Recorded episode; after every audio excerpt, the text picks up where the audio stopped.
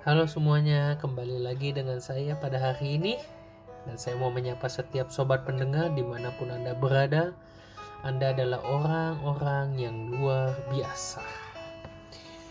Oke sebelum itu saya mau membahas sebuah hal yang penting. Mungkin topik ini akan menjadi topik yang menarik karena kita nggak akan pernah lepas dari kehidupan sosial kita. Di dalam kehidupan kita kita adalah makhluk sosial dan pasti kita akan berhubungan dengan orang-orang lain. Dan kita tahu manusia itu pada dasarnya adalah makhluk sosial. Otomatis kita tidak akan pernah bisa hidup sendirian. Selama kita ada di dunia ini kita akan terus bersentuhan dengan manusia yang lainnya. Dan menjalin sebuah hubungan dengan manusia. Manusia nggak mungkin bisa menjalin hubungan dengan makhluk lain. Maksudnya nggak bisa menjalin hubungan dengan makhluk halus karena mereka harus menjalin hubungan dengan manusia lainnya. Harus sesama manusia. Dia juga mungkin bisa menjalin hubungan dengan anjing, tapi mereka nggak bisa berkomunikasi, cuma tahu begitu saja. Makanya manusia membutuhkan manusia lainnya Nah, yang jadi pertanyaannya coba tanyakan pada diri kita sendiri. Apakah di dalam kehidupan ini kita memiliki seorang sahabat? Kita tahu ya, sahabat dan teman itu berbeda. Sahabat itu orang yang lebih dekat, close sama kita, close dia adalah orang yang tahu isi hati kita, dia adalah orang terdekat kita, dia adalah orang yang selalu ada bagi kita. Dia sahabat.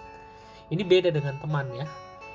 Dan kita akan membahas punya kita punya nggak sih sahabat di dalam kehidupan kita? Jangan-jangan selama ini kita main ke mana pun kita berhubungan dengan banyak orang, orang-orang itu sebenarnya bukan sahabat kita. Jangan-jangan orang itu adalah hanya teman, hanya sekedar teman. Jadi ketika kamu senang ya dia ada, tapi seorang sahabat dia tuh selalu ada untukmu. Kenapa saya hari ini membahas tentang seorang sahabat? Karena gini, penting di dalam kehidupan kita untuk memiliki orang-orang terdekat, orang-orang yang bisa kita panggil sebagai sahabat. Karena dalam kehidupan Yesus pun, Yesus memiliki sahabat. Walaupun di antara para rasul, dia hanya mempercayakan dirinya kepada beberapa rasulnya. Dia hanya membicarakan isi hatinya kepada orang-orang ini. Nah, makanya penting untuk kita memiliki seorang sahabat. Dan kita akan belajar karakteristik dari seorang sahabat itu seperti apa. Yang pertama, Sebelum kita bahas yang pertama kita bisa baca dulu di pengkhotbah 4 ayat 9 sampai 12 dikatakan seperti ini berdua lebih baik daripada seorang diri karena mereka menerima upah yang baik dalam jeripaya mereka karena kalau mereka jatuh yang seorang mengangkat temannya tetapi why orang jatuh yang tidak mempunyai orang lain untuk mengangkatnya makanya manusia nggak bisa hidup sendirian ya mereka membutuhkan orang-orang terdekat Ayat 11. Juga kalau orang tidur berdua mereka menjadi panas, tapi bagaimanakah seorang saja dapat menjadi panas dan bila mana seorang dapat dialakan, dua orang akan dapat bertahan. Tali tiga lembar tak mudah diputuskan. Semakin kita memiliki orang yang maksudnya gini, orang-orang terdekat, kita ini menjadi orang yang strong, orang-orang yang nggak bisa diombang ambing kita nggak mudah diputuskan, kita tidak mudah dihancurkan karena kita memiliki orang-orang terdekat kita. Nah, penting untuk kita memiliki sahabat ya. Jadi, saya akan bahas karakteristik dari seorang sahabat yang pertama gini. Sahabat adalah orang yang mendukung kehidupanmu. Dia adalah pendukungmu. Dia adalah orang yang bisa berkata tidak ketika engkau salah. Berkata, dia akan selalu mendukung dalam hal gini dia mendukung ketika engkau terjatuh, tetapi dia akan berkata tidak ketika engkau melakukan kesalahan. Dia akan selalu ngepus hidupmu untuk menjadi lebih baik. Tapi jujur, terkadang ketika kita memiliki orang-orang yang ngepus hidupan kita, kita justru membenci orang kayak gini.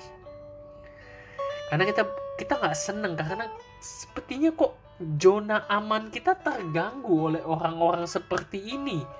Justru inilah karakteristik seorang sahabat. Dia akan mempush kamu untuk kamu menjadi the best version of you. Untuk menjadi pribadimu tuh untuk menjadi pribadi yang terbaik di dalam kehidupanmu. Tapi terkadang kita benci orang-orang seperti ini. Karena kita beranggapan orang seperti ini cerewet orang seperti ini tampaknya nggak ngerti kita karena dia ngepus dia memberikan tekanan dengan tujuan apa untuk kita menjadi lebih baik jadi karakteristik seorang sahabat yang pertama adalah seorang yang selalu mendukung kehidupanmu dalam hal ngepus untuk kehidupanmu jauh menjadi lebih baik. Itu yang pertama. Dan kita harus menghargai sebenarnya orang-orang yang berani berkata tidak dan orang yang berani ngepus kehidupan kita. Kita harus berterima kasih untuk orang-orang seperti ini sebenarnya. Dialah sahabat terdekat kita sebenarnya. Dia adalah orang yang bisa menangis dan berdoa untuk kita. Yang kedua, sahabat adalah orang yang menaruh kasih setiap waktu. Jadi sebenarnya sama ya. Yang kedua ini dia adalah seorang sahabat tuh menaruh kasih. Dia adalah orang yang gak pernah berbicara di belakangmu. Ketika engkau punya kekurangan, mungkin orang lain menjelek-jelekan dirimu, tapi dia adalah orang yang akan membackupmu. Karena dia percaya. Dia akan taruh kasihnya 100% di dalam kehidupanmu. Dia mau dukung engkau dia akan menaruh kasih. Menaruh kasih itu seperti apa? Dia adalah orang yang akan membackup kamu apa pun yang terjadi dalam kehidupanmu dia akan menaruh kasihnya. Dia hatinya dia ketika engkau lagi susah dia merasakan kesulitan yang sama. Dia akan berdoa untuk kehidupanmu. Dia akan menjadi orang yang akan menusuk engkau dari belakang. Dan ini sebenarnya dua hal inilah yang harus karakteristik ini yang harus ada di dalam diri seorang sahabat. Jadi yang pertama sahabat adalah orang yang mendukung kehidupanmu. Yang kedua adalah sahabat adalah orang yang menaruh kasih setiap waktu dan kita harus menghargai orang-orang seperti ini. Ketika Tuhan menempatkan orang-orang ini di dalam kehidupan kita, kita harus menghargai mereka. Karena apa? Dia adalah orang yang Tuhan taruh. Dia adalah orang yang bisa berdoa di dalam kehidupanmu. Karena itu kita pentingnya kita belajar untuk menghargai arti dari sebuah hubungan. Dan saya berdoa biar setiap sobat pendengar ketika engkau memiliki seorang sahabat, orang-orang yang terdekat. Orang terdekat ini memiliki dua karakteristik ini.